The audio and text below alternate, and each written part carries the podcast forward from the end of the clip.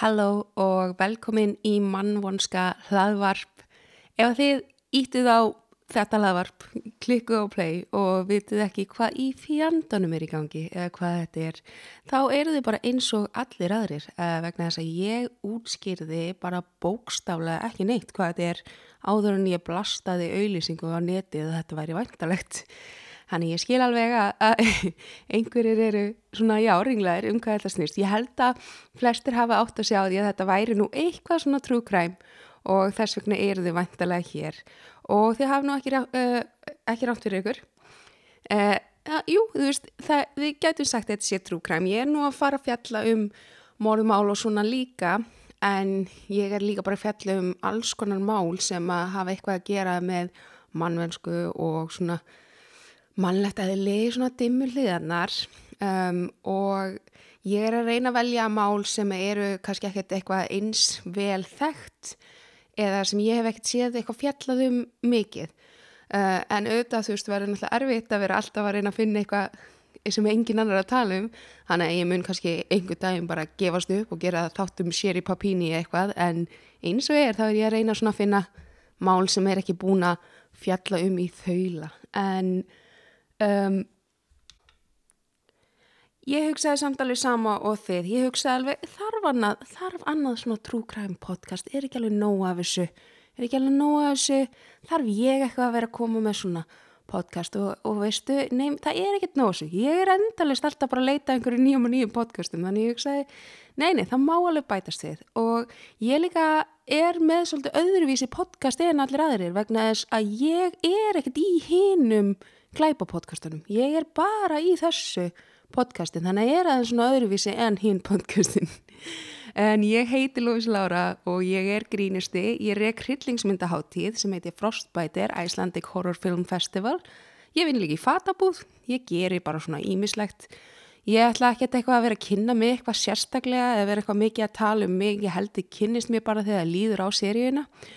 Uh, og ég held að ég ætla bara svona bráðum að fara bara að vinda mér í málið. Langaði kannski að segja svona fyrst að ég beðist afsökunar að það heyrið eitthvað svona smá auka hljóð eitthvað svona, eitthvað svona klór og lofatak og hérna, lofatak það er þegar fólk er að klappa. Okkur eftir einhverju að klappa? Ég meinti fótatak. Ef þið heyrið lofaklapp eða lofatak þá þurfum við bara að ringja á lögguna því að það á ekki vera neitt með lofa inn í íbúðinni minni akkurát núna. Vá, ég fríkaði sjálf á mig út. Bara hvað er einhver byrjað að klappa? Nei, ég sem sagt ætlaði að sitta mig komið fyrir inn í herbergi og taka þetta upp þar, þar sem að væri engin auka hljóð eða neitt svoleiðis, en svo bara búið að vera jærskjaldar og elsku hundurum minn, hann geimfari, er bara skítrættur og ég gata ekkert gert um það eitthvað að loka mig inni, þannig að hann er hérna frammi með mér muni kannski heyri hann nú verið að lepja vatni eða eitthvað svona lappa fram og tilbaka og, og ég vona að það fer ekkit í tögarnar á okkur. Eh, ef það gerir það munið bara að hann er rosalega sætur. Rosalega sætur. En við ætlum bara að vinda okkur í málið. Þetta mál er svolítið svona Þetta er mjög áhugavert mál og ég man eftir að hafa verið að fylgjast með því á sínum tíma þegar þetta gerðist. Eh, það var árið 2006 og þetta var svona tíminn sem að þú veist að ég, mað, ég var svona rosa mikið á netinu, þetta var svona fyrsta skipt sem að maður var svona, maður var alltaf inn að taka eftir heimsfréttum, svona, þá er ég ekki að tala um stórum viðburðum heldur, einhver svona lokal fréttir og bandarögun með einhver svona mál sem að gata alltaf inn að vera svona að dýpdæfi inn í og svoleið sem var ekkert til áður og ég man bara eftir þegar þetta mál kom út að ég gjör sannlega sökk mér inn í það og ég var bara, ég fór að lesa alla bloggsýður og ég var bara að fylgjast með þessu svo mikið. Og ég er bara búin að vera býð eftir eitthvað podcast fjallum þetta mál og ég hef bara ekki séð það en þá, allan ekki á þeim sem ég er að lusta á. Og ákvað því bara að byrja á þessu máli. Fyrst að það er búin að setja svolítið á mér svona síðan 2006 og það sem að ég er svolítið áhugavert við þetta mál að tæla sér var engin glæpur framinn þótt að maður hefði viljað, viljað það. Þannig að við skulum tala um þetta mál og það væri svo áhugavert að heyra hvað ykkur finnst um þetta eftir á. Ég vil þó varfið því að í þessu máli muni koma til með að fjalla um sjálfvíg og sjálfskaða, ég muni fjalla um uh, líkamsýmynd af vandamál og einelti Þannig ef það eru triggerar fyrir ykkur þá skil ég alveg að þið viljið bara fara yfir í næsta þátt. en ég mun reyna að fjalla um það á mjög nærgætin hátt uh, sem best ég get uh, og með virðingu auðvitað fyrir fólkinu sem að máli snýst. Ég vil líka segja það, ég, ég heyr alveg, ég er að tala vittlust og nota vittlust og meðalfræði en ég, ég ætla að reyna að leiðrættu mig á staðunum þegar ég tek eftir ég ger þetta uh, en ég bara er búin að ákveða vegna þess að ég er búin að vera bókstaflega í tvo klukkutíma að byrja að taka þetta upp og byrja upp á nýtt út af einhverjum málfarsvillum eða eitthvað sem ég segi. Að ég, bara, ég verð bara að rúla í gegnum þetta því annars mun þessi þáttur aldrei koma út. En þetta mun, ég er fyrsti þátturinn ég er stressið uh, þetta mun verða betra þegar við höldum áfram. Váka, ég er, ég að gera afsökun fyrir þættina mín áður en þið byrja. Ég, þetta er frábær krakkar, þetta er gaman en það ekki, það er alltaf að tala smá villust ég er bara, þykist bara eins og ég sé full eða eitthvað, ég myndi ykkur í sig bara blind full þegar ég er að segja ykkur frá þessu máli, please. Þá verður þetta miklu skarfið alltaf Sjötta náður 1922 Nei, djók, ok, ég er ekki ég ætla ekki að gera þetta ég, er, ég, ég ætla að byrja með nýtt, hættu. Ég ætla ekki eins og að vera, ég ætla að vera mjög alvarleg þegar ég var að taka þetta upp og ég hef búin að vera að æfa svona alvarlega röttina mína. Og svo bara ég, ég held ég geta ekki, ég verði eiginlega bara að lefa mér svolítið að vera, já, ég hérna, ég, ég ætla að reyna að fjalla um málinn með virðingu en ég bara því miður, ég, þegar eitthvað er erfitt fyrir mig þá díla ég veða með húmóri og, hérna, og þá oft svona detta úr út einhverju smábrandarar og einhverju svona fýblagangur en ég er alls ekki að gera litið úr fólkinu sem að uh, sagan fjallarum. Þann 7. november 1922 buðu gagg og Ó oh, nei, ok sko, uh, ég er náttúrulega þýða þetta upp úr uh, ennskum heimildum og sum orð eru ekki til á íslensku eða svona frasar og ég hef gert mér besta að þýða þau og hérna þetta er hræðilegt ok, hérna ég, ég skrifaði bókstallega 17. november 1992 buðu gagg á gælunar í svega high school sweethearts finna betra orð setna þannig hvað finnst ykkur um þetta high school sweethearts gagg og gælur, þetta er ræðilegt ógvöminn góður Lófísa Lára og byrjar þetta rosa vel allavega fyrir frá þessu. 7. november 1992 buðu gagg og gælunar þetta er ógæðslegt buðu buðust kærustu parið frá því í mentarskóla Tína og Ron Mayer fyrsta badsitt velkomi í heimi. Þetta var stúlkubann og var henni gefið nafnið Megan Taylor Mayer. Pari var í skíjónum með viðbútin í fjölskylduna og lísti Tína Megan sem þypnum lillum kupp sem var alltaf með stæla en á ástríkan háttuðu þetta. Það var líka spurning hvernig ég þýtti þetta, hvernig hún sagði þetta einsku, það getur verið að sé. Þið þurfum svona að taka ákvæmur ef það er eitthvað skrítið í þessu, svona, sagði þessi mannski eitthvað skrítið eða var lofísa að þýða þetta mjög fyrðulega. Það, það, ég myndi alltaf bara giska á að allir aðrir sögðu eitthvað skríti, ég er fullkomin, allavega. Nokkrum árum síðar bættist í fjölskyldina annað stúlkubell sem var nefnd Allison og fjölskyldan flutti í nýtt hverfi. Fallett heimili á Waterfall Crystal Drive í Darien Prairie í Missouri. Hverfið sem þau flutti inn hefur verið lýst sem einstaklega vinalegt. Íbúðanir í hverfinu spjölluðu saman í innkerslunum, buðu hverju yfir í grill, drikki á verundinni og jafnvel Super Bowl party. Þau passuðu börn, hunda og keiriðu börn hvors annars í skólan. Megan og fóreldra hennar smell passuðu í hverfið og fljótlega urðiði mjög náinn mörgum fjölskyldum í hverfinum og talaði Lóri um að hún var í skíjanum yfir því að svona margir að nágrunum ætti börn á aldri við Megan svo að þegar hún loksins byrja í skóla þá átt hún fullt af hennum nú þegar. Og þegar Megan úrst upp, þá var hún nefnitt vinamikil og líst sem mjög hress og hávær og fyndin. Þegar hún hlóð það var það leikræn loftsogandi andköf, þið viti hvað ég er að tala um svona bara Ná ok, ég ætla ekki að leiki þetta, hún hló örgulega miklu grútlega en þetta, þetta var fáralagt fyrir geði. Hún elskaði að eigða tíma með fjölskyldu og vinum og var óð í Chihuahua hunda. Hún kallaði sjálfa sér Chihuahua brjálaðing. Hún átti einmitt eitt slíkan hund sem hétt Barry. Og hann gerði það. Barry var morðingin, spoiler alert. Nei, sorry, ég er að djóka, ég þarf að hætta þessu. Ég er að róa mig niður. Þetta er að oh, byrjaði bara alltaf ína byrjaði alltaf ína að hugsa. Ég verði að koma svo út annars get ég ekki held áfram um máli fyrir ekki. Að heili minn mun blokkast. Byrjaði alltaf ína að hugsa um eitthvað svona hvað ef, ef hundur var í raðmóringi en þú veist ekki ekki eitthvað svona hundur sem færi bara út og myndi bara ráðast að fullta fólki heldur eitthvað svona fjölskyldhundur ég myndi bara svona golden retriever og hann heitir Kátur og svo bara svona nætunar þá laumast hann út þegar fjölskyldan er svoandi og hann svona myrðir einhverjum og svo svona kannski hoppar hann í sjóin hleypið tilbaka til svo þarna og fyrir svo svona aftur upp í íbúð bara að sofa. Og engi veit neitt. Og löggan bara hvað? Hvað er gangið með allar þessar hunda ára sér út um allan bæ? Það er einhver óður hundur í gangi. Finn aldrei hennar villi hundu svo var það svona rannsaka málið frekar. Þau bara við erum að ná honum. Og einhver tíman þá var hann ekki alveg að passa sig nógu verið hann kátur. Og, og slóðin leiðir heim til hans og löggan mætir til fjölskyldunar og bara herru þau þurfum að ræða við ykkur vandum undir ykkur hann kátt og hva, var kátur kvöld annar kvöld klukkan 22.35 og að Kátið var bara svo þetta heima. Allt í þú bara að gefa fjárfesta sönnun eitthvað fyrir hundin, fyrir raðmórungja hundin. Raðmórungja hundurinn Rex. Ok, þetta var út í dúr afsækið. Ég, ok, þessu, ég, ég er að þess að, ok, aftur, ímynda ykkur og ég sé blind full. Blind full og þá verður þetta betra fyrir alla. En samt núna get ég ekki hægt að hugsa um að þetta verði geggið sjónstættaröð og ekki stilsa frá mér, ég ætla að pizza þessu til Netflix. Og þá engin að gefa mér mikrofón og láta mig vera eina með hugsunum mínum, þetta er ekki gott. Höldum áfram með málið.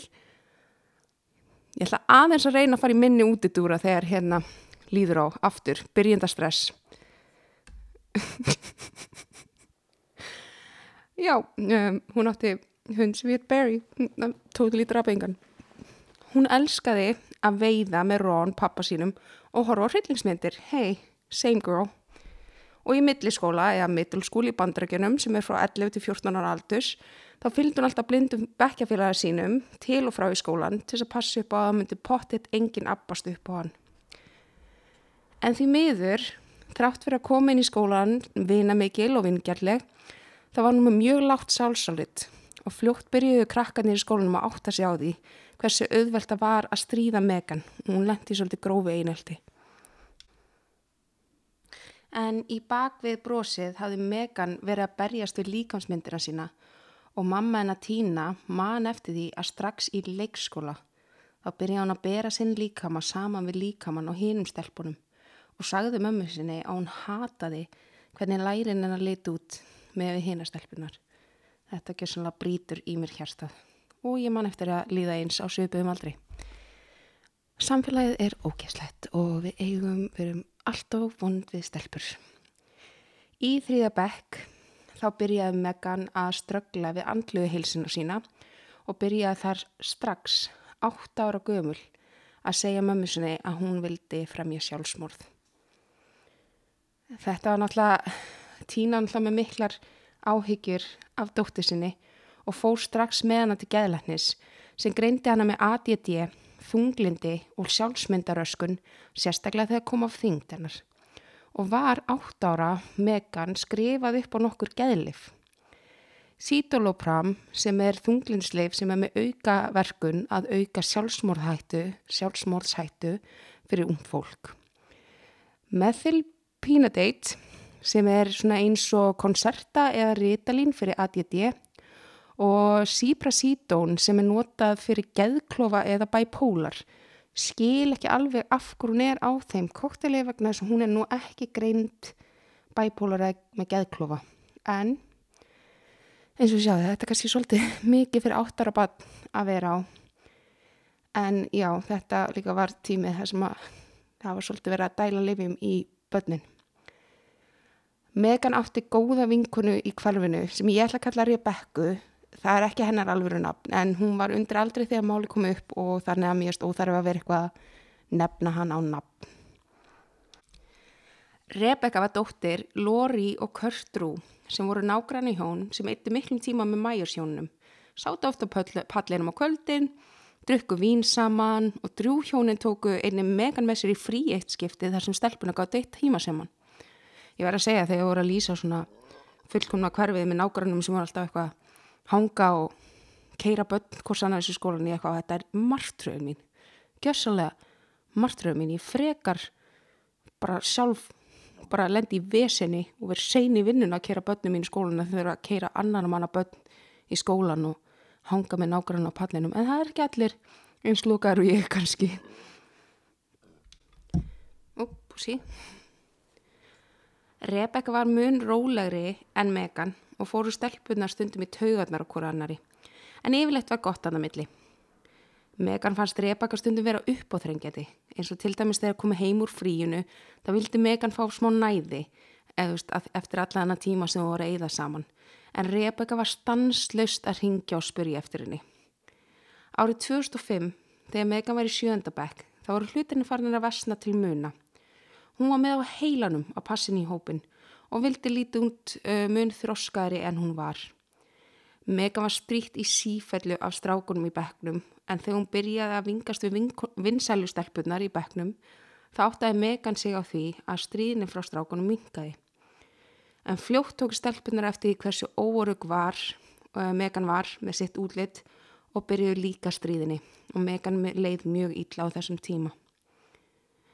Þrátt fyrir það, þá reyndi hún að halda vinskap við vinsælstelpunar og heyrði aðeins í Rebekku þegar engin annar gætt leiki við hana. Það særði Rebekku mikið og hún upplifði mikla höfnunatilfinningu frá Megan. Lori, mamma Rebekku, var miður sín yfir því hvað dóttir hennar var sári við þessu og talaði við Tínu sem sagðist alltaf tala við Megan. Tína reyndi að útskýra fyrir Megan að svona ætti maður ekki að koma fram við vinið sína og hún ætti að passa sig að gefa líka tíma fyrir Rebekku en ekki koma fram við hann eins og svona vara vinkunu munið eftir þessum tímakrakkar að vera úlingstelpa þið gætuð ekki borga mér. Gætuð ekki borga mér fyrir að gera þetta eftir Megan byrti skilja þetta en því miður breytist lítið.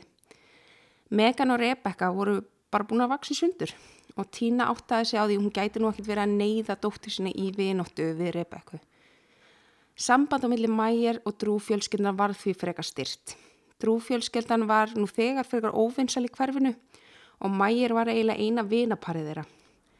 Fólkið í hverfinu þóttuði svolítið frek og tilætlunasum og voru sumi nákvæmni í hverfinu með svona merki sínan milli sem þið gáðu hverju til þess að fá björgun eða þið skildi festast í samtali við drúhjónin. Þegar dætirna tværi mistu samband þá mingaði samskipti hjónana og Tína fann að það var smá fíla í þeirra garð frá drúhjónunum. Þegar Megan var leið í áttundabekk þá kuði mægir hjónin afsækið, að flytja hana í annan smærri engareikin skóla í Immaculate Conception Darden. Þar var skólabúningaskilda og bekkinnir minni og Tína tók eftir því að Megan var ekki lengur eins upptekinn á útleitinu. Hún var ekki lengur eins mikið að pæli hárunum sínu og alltaf að sitja hiljar á undir augun. Tínu og rón til mikill að ánægu. Stutt eftir hún byrjaði í nýja skólanum þá fór hún að suði að fá að opna MySpace-reikning. En MySpace var með 16 ára aldurstakmark og Megan var aðeins 13 ára gömul. Uh, Tína var mjög híkandi með það vegna þess að hafi áður komið upp smá atvik, svolítið áður, þar sem Tína uppgöttaði að Megan og Rebecca höfðu opnað í leini MySpace-reikning þar sem prófálmyndin var flassandi Playboy logo og sætla minninga þetta Playboy logo út um allt. Tína var nú ekki sátt og let stelpuna loka reikningnum en hún sagði þó Lóri mömmu Rebecca aldrei frá atvikinu. Setna komst upp að Lóri hefði líka á sama tíma tekið eftir fullt af símtölum til New York á símreikningu sínum og hún spurði Rebecca út í það. Og Rebecca sagði henni að Megan hefði verið að ringi strák sem hún kynntist á MySpace. En Lori sagði Tínu og Ron aldrei frá því atviki. Og þetta er ekkit eitthvað staðfest. Þið hefði alveg, þannig sé ekki að vera Rebecca og bara ljúa en ég held samt allir séu svona frekar sammála, sennilega var þetta Megan Megan suðaði og suðaði og bað um að fá að opna aðgangin í 14 ára amalskjöf. Lori létt undan en það var Megan að standa sér svo vel og hún hugsaði að það myndi örglega ekki skada. En það fylgdi þó nokkra reglu með aðgangnum. Númer eitt, Tína og Rón voru einu sem vissu passvortu á aðgangnum. Þannig að Megan gæti ekki farið inn á aðgangin þegar þau voru ekki heima. Númer tvö, aðgangurum verður að vera stiltur á prívat. Númer þrjú, Tína og Rón þurft að samþykja allt efni sem Megan byrtið að nynni. Númer fjögur, annarkvar Tína og Rón þarf alltaf að vera í herberginu og meðan Megan er á MySpace. Sem ég finnst rosalega geggjað með við þennan tíma að því að á þessum tíma var ekkert eitthvað svona mikið talað um netöryggi og við vorum enga veginn að átta okkur að hættanum á netinu. Þú veist, ég maður bara eftir á þessum tíma maður bara eitthvað skilin eftir með neti að tala um einhverja ég veit ekki hvern, á yrkinu og ég myndi bara einhverju ruggli og ég myndi á MySpace og svona og maður vissi ekkert hvernig maður var að tala um en hérna tala við en, en þau, mér stöði rosa flott og þetta er bara rosa góða reglur og við vildum bara passa rosa vel upp á 14 ára eða 13, 13 ára dóttið sína. En Megan samþykti þessar reglur og var bara hoppandi kátt. 13. september 2006 var aðgangurinn Megan Baby live á MySpace. Kvenkins, 14 ára, Ghetto St. Louis, Missouri, United States, skrifa hún í prófælinn. Megan skrifaði líka I'm going to St. Dominic High School. Um, I like love to hip-hop dance and love to shop. Yeah, there's really hot guys at my school. They are fine. Nákvæmlega svona sagði hún þetta. Nákvæmlega svona. Ég hef heimildir. Um, ok, ég er alveg svolítið svona ringlu núna því hún segir going to St. Dominic High School en ég sagði áðan og hún var í Immaculate Conception High School eða eitthvað nei, hún er ekkert í high school hún er í middilskóla, ég sá hún var í og ég var um þetta að hugsa eitthvað svona heitir já, Immaculate Conception Darden, heitir skólinn bara eitthvað þú veist get, getnaður án sæðis, þú veist allavega ég, þetta, já, við bara verðum að halda fram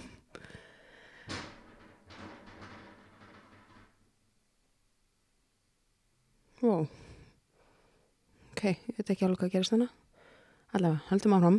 Uh, stuttu eftir að Megan stopnaði prófælinn sinn þá fær hún vinabeini frá Josh nokkrum Evans rosalega sætur, ég ímynda mér ok, ímynda þér eitthvað líka. Ég ímynda mér þetta sé svona þetta er 16 ára Chris Evans. Það er það sem ég er að sjá, þetta er svona 16 ára hann er Chris Evans. Með fallið blá augu, ég veit reyndar ekkert hvernig augunars Chris Evans er á litin örgulega fallið og blá. En samkvæmt prófunum hans það fannst honum kók betur en Pepsi. Og hann borðar ekki sushi og skrifaði EU sem að er samkvæmt honum ekki mér. Elska sushi og sushi eh, hva, sushi train hanna og sushi shit upp á sveitikarstæðar minn. Hann átti trilljón gísladiska og elskaði pítsu með grætni papriku, pepperoni og pulsum. Og hann er að vinna með svona aðeins tilbaka með þessa pulsu pítsu, það hljómar alveg vel. Uh, Chris Evans, nei Josh Evans hlustaði á Rascal Flats Korn og Nickelback Turn-ons voru tungulokkar og vera nartað í eirað hans. Þetta er rosalega 16 ára úlingur á MySpace profælina. Og í bíónu hans segir hann eigni sorglega sögu frá því að pappi hans fór frá honum og mömmu hans og bræðrum þegar hann var aðeins sjöra gamal. Auðmingja mamma, segir hann, átti svo erfitt að finna vinnu eftir að hann fór. Megan var augljóslega frekar spennt fyrir þessar heit pönnuköku. Jesus, Lovisa að skrifa handrit. Þetta má ekki, þau þarf að banna mig. En hún kolfjall þó þegar hún las næsta kaplan í bæjónu hans. Hann sagði að markmið hans á árinu var að hitta frábæra stelpu.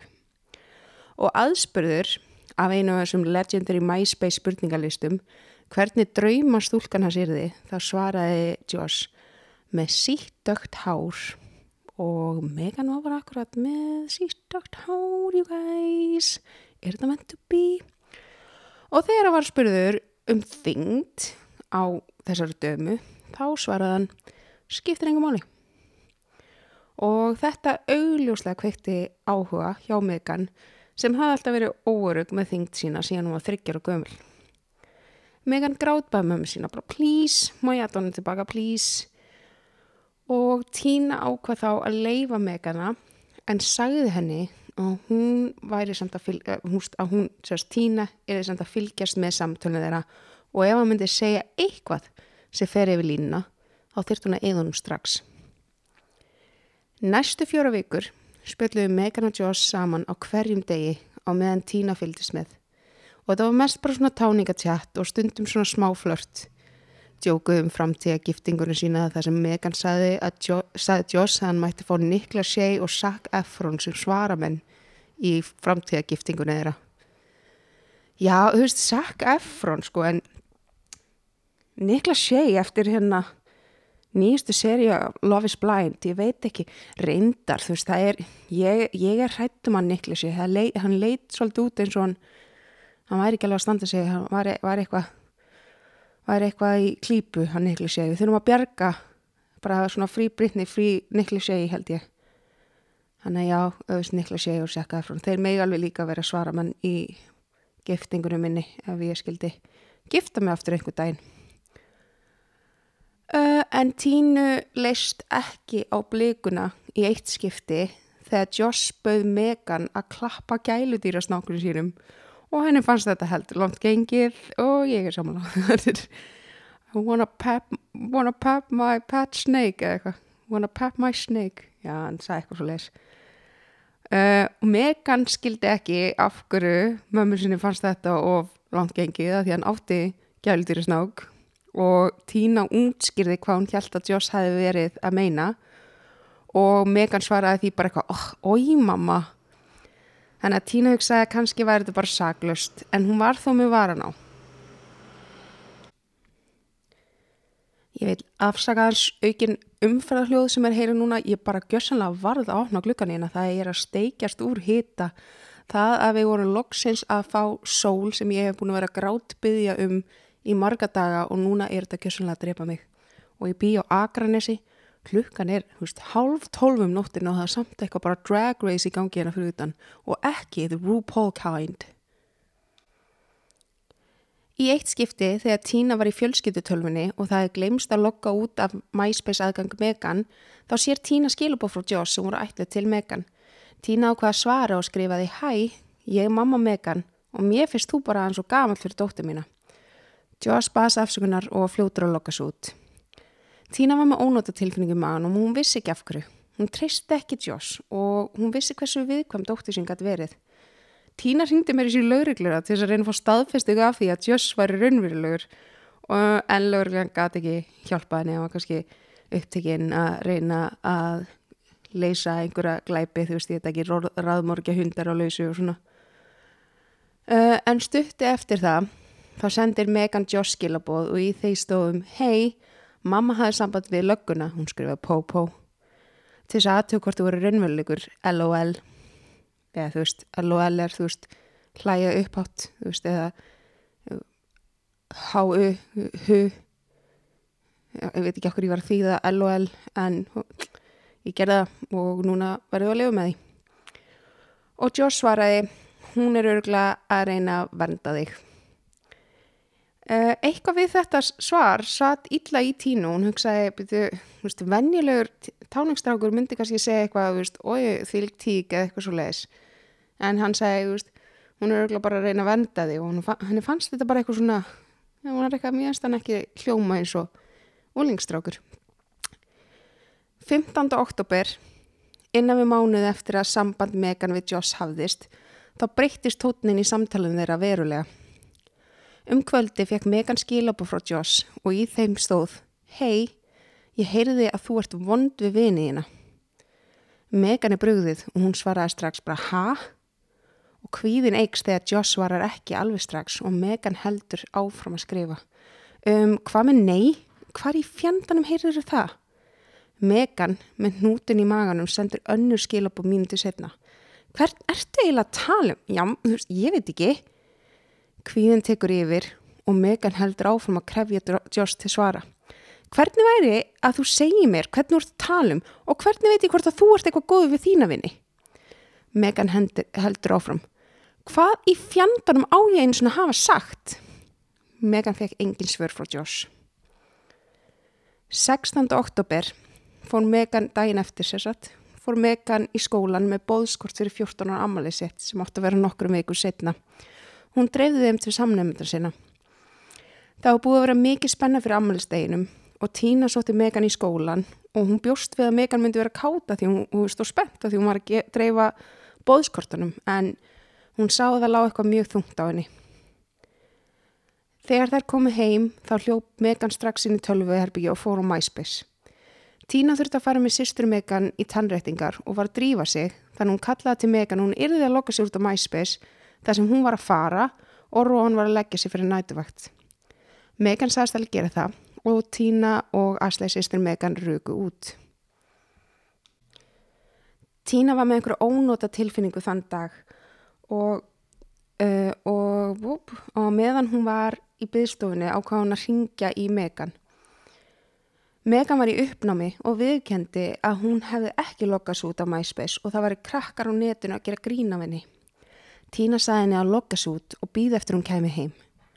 Ónata tilfinningi jógst í maga tínu og 20 myndi setna ringd hún aftur í Megan sem á þeim tímapunkti var hágrátandi. Ég get útskýrt greitt Megan í síman. Tína reyndi aftur að samfara Megan um að logga sér bara út á netinu og býða þar til hún kemi heim. Þegar Tína kom heim kl. 5 um kvöldið Þá fann hún Megan fyrir framtölvuna. Hún var í miðri netárás og var að reyna sitt besta að verja sig gett Josh og mörgum öðrum á svokallum vinum sínum á MySpace. Þau voru að posta ljótum veggjapostum um Megan og kalla hana druslu, feita og öllum íllunöfnum. Og ég taka það fram að vera að feit er ekki íll nafn en það er bara lýsingar orðið líkamstýpa en í þessu tilveiku var verið að nota það á niðrandi hætt og það getur verið mjög tryggarandi fyrir morga þannig að þetta var mjög sært fyrir Megan. Tínu var augljóslega bröðið að sjá skilabúðin en var einni bröðið að sjá svörunana Megan og sjá hvernig hún var að svara tilbaka fullum hálsi. Var eitthvað að kalla aðrar druslur og svo sá hún svar við einum posta sem að einhver kallaði Megan feita og Megan svaraði ég mjó núna. Og Tína spurði Megan af hverju myndi segja þetta. Og Megan gargaði á móti þú ætti að vera mamma mín. Þú ætti að vera með mér í liði. Og hún hljópa upp á herbyggi og þetta var það seinasta sem Megan sagði við mömmu sína Tína byrjaði að gera til fyrir kvöldmatt þegar skindilega aðeins 20 mínútur eftir að Megan hljópa upp í herbyggi fekk Tína skjálfulega tilfinningu hún vissi að eitthvað hefði komið fyrir Megan Hún hljóp upp í herbyggi og sá dóttur sína hangað í skápnum. Tína sá strax, hún sá hana strax og hún opnaði hurðina. Það sem aðeins nokkrum vikum áður að þetta hafði gerst, hafði Megan grátbeði pappa sinn um að taka niður skápahurðunar og skipta út fyrir fjólublá gegnsæk gluggatjöld. Hún hafði hengt sig með taubelti sem að Tína hafði nýlega kift fyrir hana í Old Navy fyrir afmælisveistunum sína. Hú, Ok, þetta er mjög sorgleitt. Tína öskræði og Rón kom hlaupandi upp stegan. Hann náði megan niður og reyndi endurlíkun á meðan Tína hringdi á sjúkrabíl. Viðbraksáðunar náðu púlsnum hennar tilbaka en hún dó dægin eftir á spítalunum aðeins þrejum vikum fyrir 14 ára amalstæðir sinn. Ú, ok. Já, ég, ég vissi, ég, ég vissi þetta myndi gerast, ég vissi ekki alveg ég myndi hérna, að þetta er, rosa, þetta er bara rosalega sorglegt um, hún var búin að vera mjög spennt fyrir afmælinu sínu og einni því að daginn sem hún dó á spítalunum var dagurinn sem hún átt að losna við spángirna sínar sem hún var einni mjög spennt fyrir og þetta ekki svona brítur í mig hérta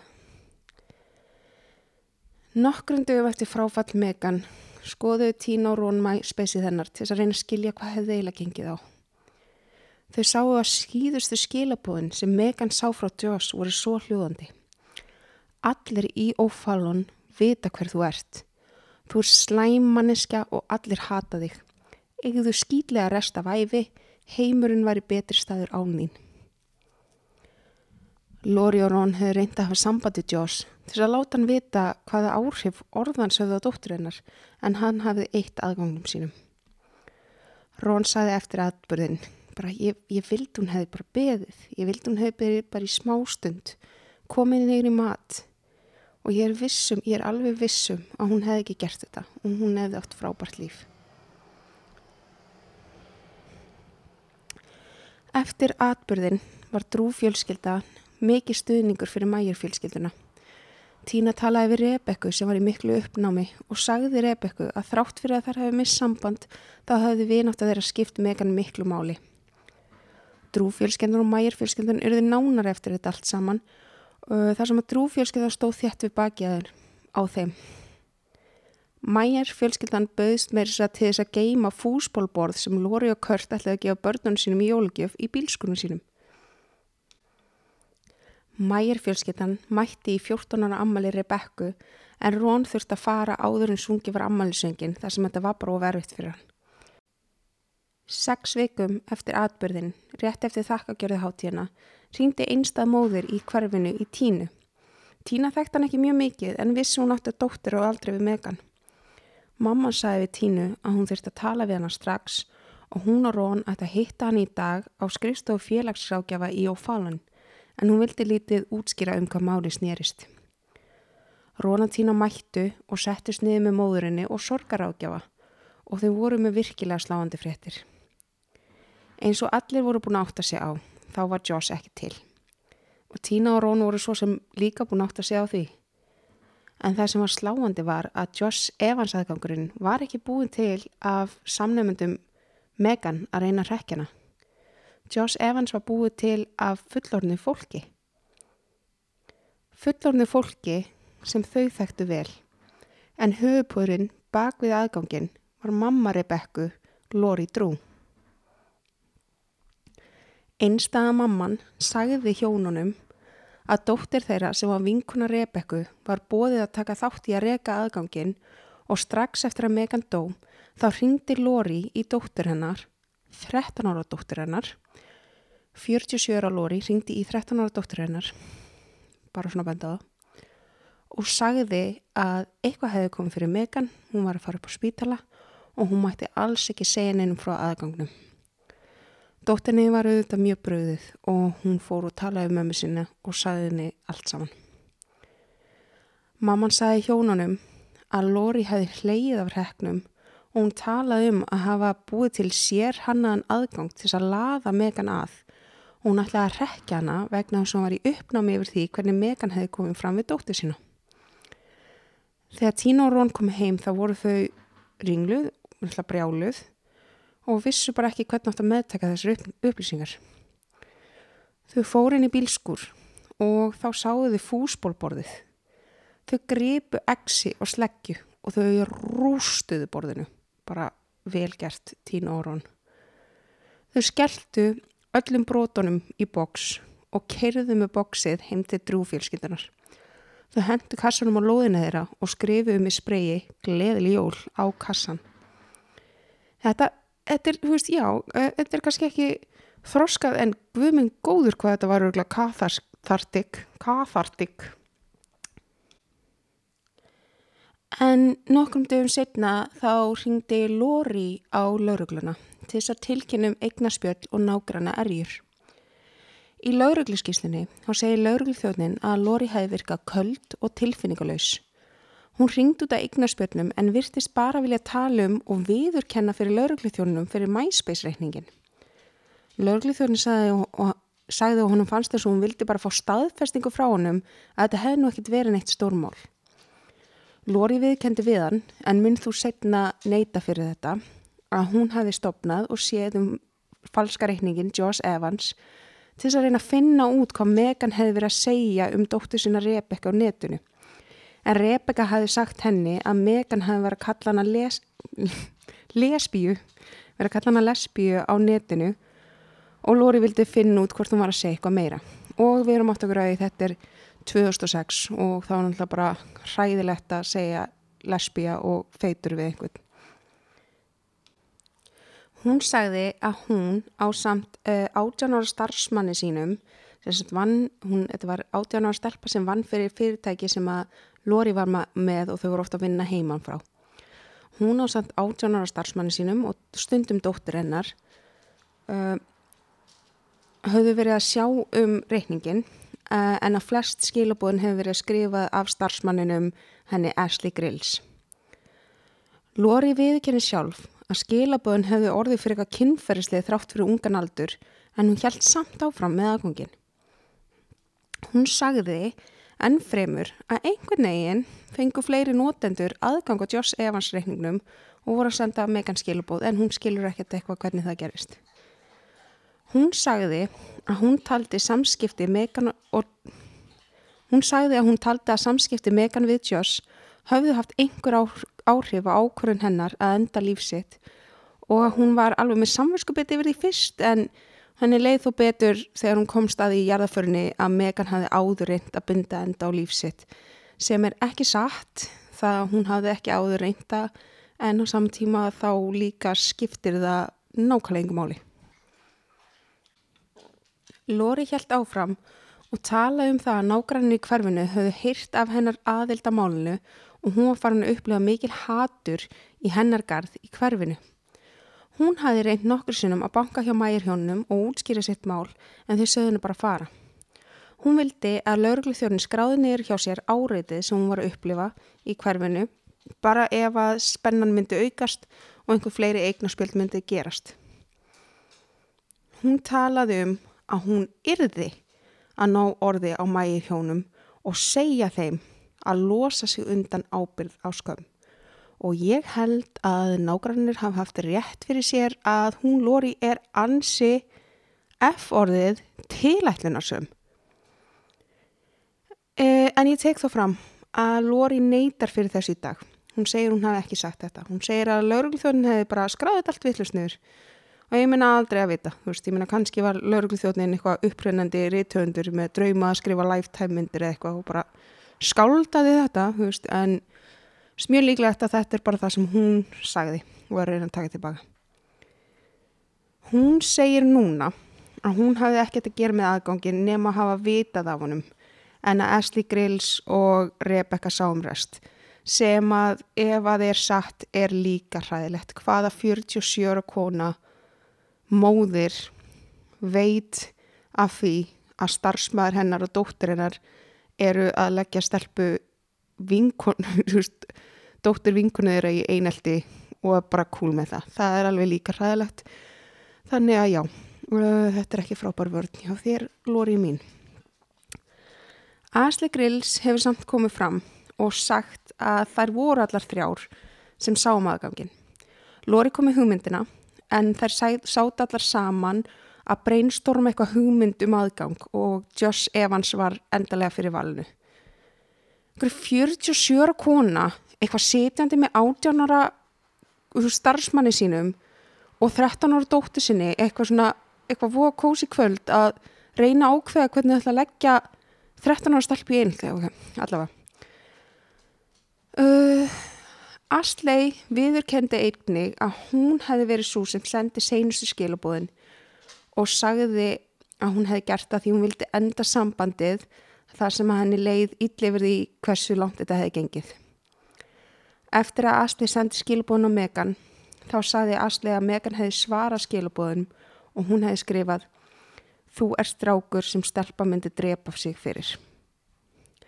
Asli leið alveg hræðilega eftir að Megan fjall frá og endaði á geðspítala út á samvinskubiðinu en mægir fjölskyldan hefur sagt að þau kenna Asli ekki um hvað gerðist fyrir Megan. E, í lauruglu gíslunni segir, eins og áður kom fram, að Lori segir að hún veit ekkert hvernig aðri nótendir komist inn á reikning Josh, en ungstelpa nefnu Michelle veit e, nákvæmlega hvernig það gerðist og sæði mömmu sinni frá. Hún hefði verið með hópum, hópi af stelpum heima hjá Rebekku, geimfari. Hún hafi verið með hóp af stelpum heima hjá Rebekku.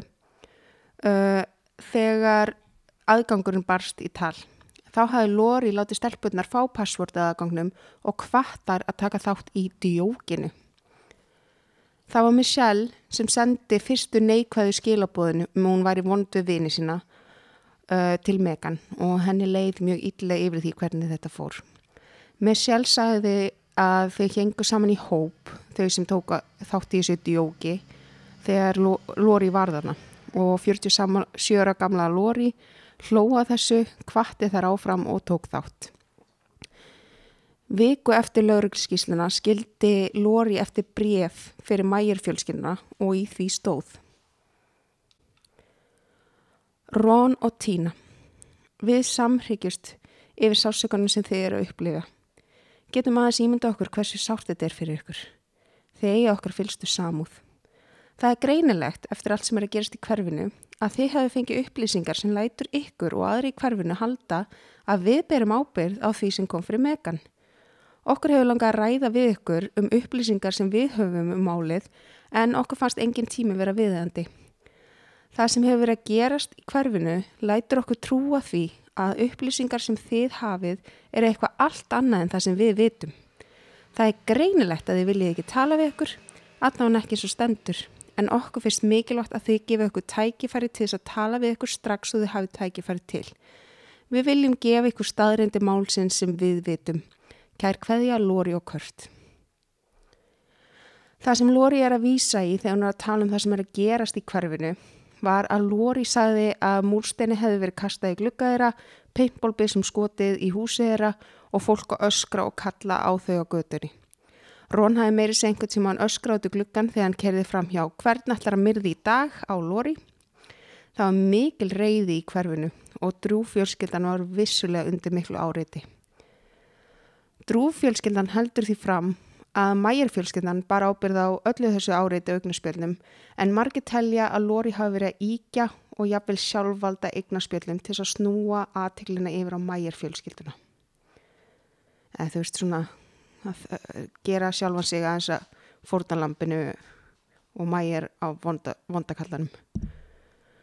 Mæjarfjölskyldan hefur viðkent að hafa skemmt fúsbólborðið, öskra á Lóri og götunni og einhver tíma þegar Tína rakst á Lóri í kringlunni, eða þú veist máli, þar sem Lóri var að lappa millir búða og gefa þeim nabbspjald fyrirtæki síns til að reyna að finna vinnu, þá eldi Tína hana og lappaði hverju einustu búð sem að hún skildi eftir nabbspjald og sagði starfsfólkinu frá því sem Lóri gerði til þess að vera vissum að engi myndi ráðana.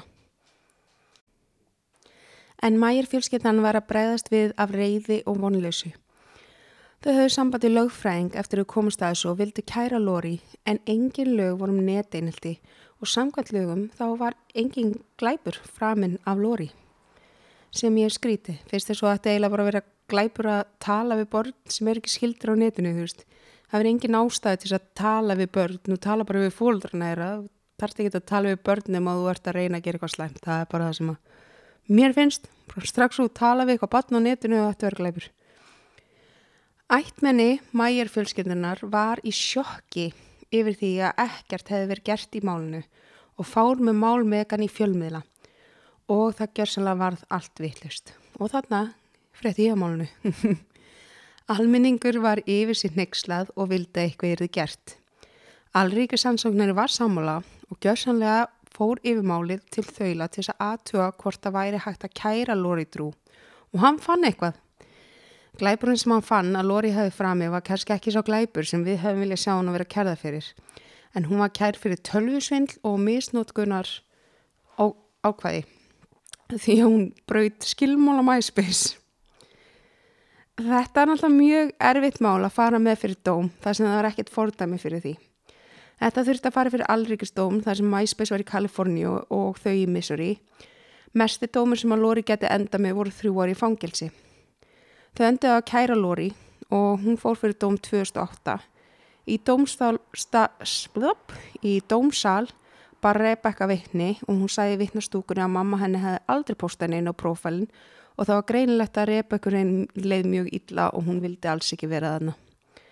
En Asli fór líki vittnastúku, vittnastúku og bar vittni yfir því að Lóri var með í þessu frá byrjun og skrifaði eitthvað á skilabóðunum. Lóri var með nokkrar ákærur Það voru sko felony dómar og misdemeanor dómar og ég nefndi ekki að finna hvað það er á Íslandku í byggstafsökunar en ég tel mig halda að þið viti hvað ég er að tala um. Uh, en hviðdómandir feldu niður felony dómana og töldi hann að vera segum misdemeanor dómana. En lögfræðingur Lóri baðum að fella máli niður og dómari kom öllum óvart þegar hann samþýtti það og var því laus, Lóri laus allra mála. Og ég skil svo sem okkur hann tók þess ákvörðun að því að við höfum öll brotið einhverja skilmála á netinu. Þú veist, ég hef búið til fake profile á Facebook fyrir karakter í bíómynd sem var að búa til og braut því skilmála og ef hún hefði verið kærð fyrir þetta þá er það fordæmið til þess að kæra mig fyrir, fyrir það. Þannig að þannig ég, ég er svo sem skil, skil þetta en samt náttúrulega bara mjög sárt. Mæja fjölskytta fjekk því miður ekki réttlæti sem þið vildu en tíja Tína Mægir hefur helgað lífi sínu málstanum og stopnaði Megan Mægir Foundation þar sem hún reynir að vinna gett stafrænu ofbeldi. 2008 voru gerð lög gegn stafrænu ofbeldi sem heitir Megan Mægir Cyberbullying Prevention Act í Missouri og er því net einhelti glæpur og hefur vonandi komið í veg fyrir svona, fleiri svona atvik. Fleiri ríki hafa áraunum te tekið upp svipulög og eru 48 fylki með lög gegn uh, neteinildi í bandaríkunum. En samt ekki Alaska og Missouri, það eru einu tvö fylgin sem eru bara ógislega cool með neteinildi. Og ég, þú veist, maður verður eiginlega að spyrja sig, þú veist, allir bæjastjórn í Alaska og bæjastjórn í Wisconsin eru bara endalust að leggja hvernig annan í neteinildi og þess vegna vilja þær ekki hætta með þetta og geimfærið þú ert að anda mjög nálat mikrofónum en það er þess að chilla. Ok. Stuttu eftir að þetta fór allt í fjölmila uh, þá kom upp ógeðslegt bloggsíða, ógeðsleg bloggsíða sem hétt Megan Mayer átti þetta skilið og voru bloggpostanir allir um hversu slæm manneskja Megan var og hvað hún var vondið samnefndur sínar og hún hefði átt neteinildi skilið. Grunir kom fljótt upp að Lóri sjálf væri að skrifa þessa bloggposta til þess að reyna að losna undan sektakent sem hún eflaust, eða þú veist, ég vona þótt hún hefur aldrei sínt, finnur fyrir. Póstaði voru skrifaðar eins og voru skrifaða bekkjafélaga en margir bentu á orðavalið og stafsetningin var kannski aðeins og þroskað. Geimfari, ekki sleikja mig, ég er að taka upp. Afsækja það, ég alveg fyrstu þrý þættir er verið pínu chaotic mess, næst þá er ég í pottaherberginu og verður vonandi ekki í jærskeltar. En Megan var því áfram undir netárásum eftir döða sinn. Einhverju krakkar sem tóku þátt í netárásum á Megan á samt Joss rétt áður en að hún dó uh, sem hafi verið deilt með skilabóðinu sem Megan hafi sendt Joss Uh, og það var spurning hvort eitthvað þessu krökkum væri að skrifa bloggið en margir af því sem tóku þátt í þessu sínum tíma voru búin að hafa samband með mæjurhjónin og sína mikla eftirsjá fyrir sína hluti á máli og því beindi skrunir ennfrekar að drúhjónunum eða einhvern tengdu þeim. Eftir smá tíma á þessum ógeðsluðu bloggpústum viðukendi manneskina bak við síðana að hún væri raun lóri drú. En þetta hefur aldrei verið staðfest og ég held ekki að þetta hafi verið hún. Ég held að þetta hafi verið eitthvað net tröll að reyna að íta undir reyði gagvart Lóri en aldrei að vita samt. Lóri er óforskömmuð og hún er einmitt búin að láta frá sér mörg umvali um að hún var í óvænta fórnalampið í þessu máli. Megan hafi farið í frí með drúhjónunum þar sem Tína þurfti að setjast niður með Lóri og útskýra fyrir henni lifin sem Megan var á fyrir þunglindi og hvernig hún átt að taka þau. Þær hafðu einnu oft átt samtal, samtöl um geðvandamál Megan og lifin sem hún var á og Lóri vissi því vel að Megan áttu við geðran vandamál að stríða. Tína sagði, ég veit að Lóri kom ekki heim til okkar og batt belti í kringum hálstóttu minnar en þegar fullorinn fólk tekur þátt í að pota og stríða 13 ára batni með eða án geðrana vandamála, það er virkilega ógeðfælt. Og ég er gjörsalega sammálað því. En svo veldur maður líka fyrir sér að, veist, auga fyrir auga, þú veist, það, margir segja að uh, Lóri fekk réttlæti í áreitið sem hún varð fyrir uh, á netinu og bara í lífinu eftir að þetta kom upp. En uh, ef við erum að reyna að segja að neteinelti sé ræðileg hlutur þá getur við ekki verið að svara hatri með hatri, svara neteinelti með neteinelti en hérna Þannig að það er svona, þetta er svolítið vafasamt en maður skilur alveg að fólk hafi verið reitt en hérna, já en þú veist, ég meina, þú veist, svo veit maður ekki svo hefði hún getað tekið leysið út af afleggingunum og þetta er þá bara vitarhingur og bara frekar ömulegu vitarhingur en ég vildi einmitt taka þetta mála því að neteinildi er bara svo mikið áfram núna, þú veist, maður sér þetta svo mikið á TikTok og út um allt og þú veist, þetta er bara, þetta er bara umræða sem einhvern veginn þarf alltaf að taka reglulega og er rosalega leiðilegt vandamál sem er erfitt er að stoppa. Um, og ég er líka svo rosalega mikið forvitin hvað ykkur finnst um þetta mál. Ég er rosalega forvitin bara svona, já, eins og segi þetta var, var talina sig ekki neitt glæpur og augljóslega þú veist þá, þá tók megan þessa ákvörðin sjálf. En þú veist, hvað finnst ykkur? Ég, ég já, ég kannski heyrðu á mér hvað mín skoðun er á þessu. En ég vildi taka fram að ég tók flestar heimildina mínar, uh, heimildina mínar um þetta mál uh, í sérsagt grein á New Yorker sem hétti Friend Game, eða hétt bara Friend Game Behind the Online, online Hoax That Led to a Girl's Suicide eftir Lauren Collins. En þetta var fyrsti þátturinn og þetta var virkilega stressandi og ég er bara kófsveitt í stressi og ég er búin að taka mér svo langa tíma að taka þetta upp og ég veit að hérða á rautunum minna það var bara rosa breði og mjög, ég veit ekki hvað er svona stressandi, ég er að fara upp á svið með uppistand bara nokkru sinnum í viku en þetta var það erfiðasta sem ég hef nokkuð tíma gert. En þetta var líka gaman og ég hef fullt af fleiri mánum til þess að segja ykkur og þið getur bara að fara beint yfir í næsta þátt og hlusta á næsta mál. Uh, en já, ég vil bara segja ykkur á kíkin á Instagramið uh, mannvonska og bara followa mig þar, followa mig á Spotify og svona. Og svo erum við svona forvitin, þú veist, mér langar rosa mikið að hafa, þú veist, umræður um þættina. Og ég veit ekki, þú veist veit ekki hvað er svona, hvað er fólk svona mest að spjalla í dag, þú veist, eins og var maður alltaf á Facebook-grúpu með fólk eitthvað að gera það. Þú veist, það er bara að spjalla í Instagram kommentum og posta á þáttunum ég veist það alltaf skríti, þú veist, ætti ég að gera bara svona Instagram spjallgrúpu eða ef einhverjir langar að vera hlust á þættinu og spjalla eftir á og við getum eitthvað nokkrar spjalla þetta verður mjög vandralt fyrst þegar það var bara svona ég og einhver einmanniska sem sagði eitthvað já ég til í þetta. Svo kannski setn að vera fleiri þetta. En uh, endilega látum við vita og setjum við skilabó bara á mannvonska og þeim er líka að mér á Instagram. Ég er Lofi Lára, uh, L-O-V-F-U-S-O-N-I L-A-R-A á Instagram. Og ég er líka bara að segja það að titilag Þáttarins var eftir Magnús Jón Alsteinsson og að finna hann undir Magnús Jón á Instagram. Takk fyrir mig og bless!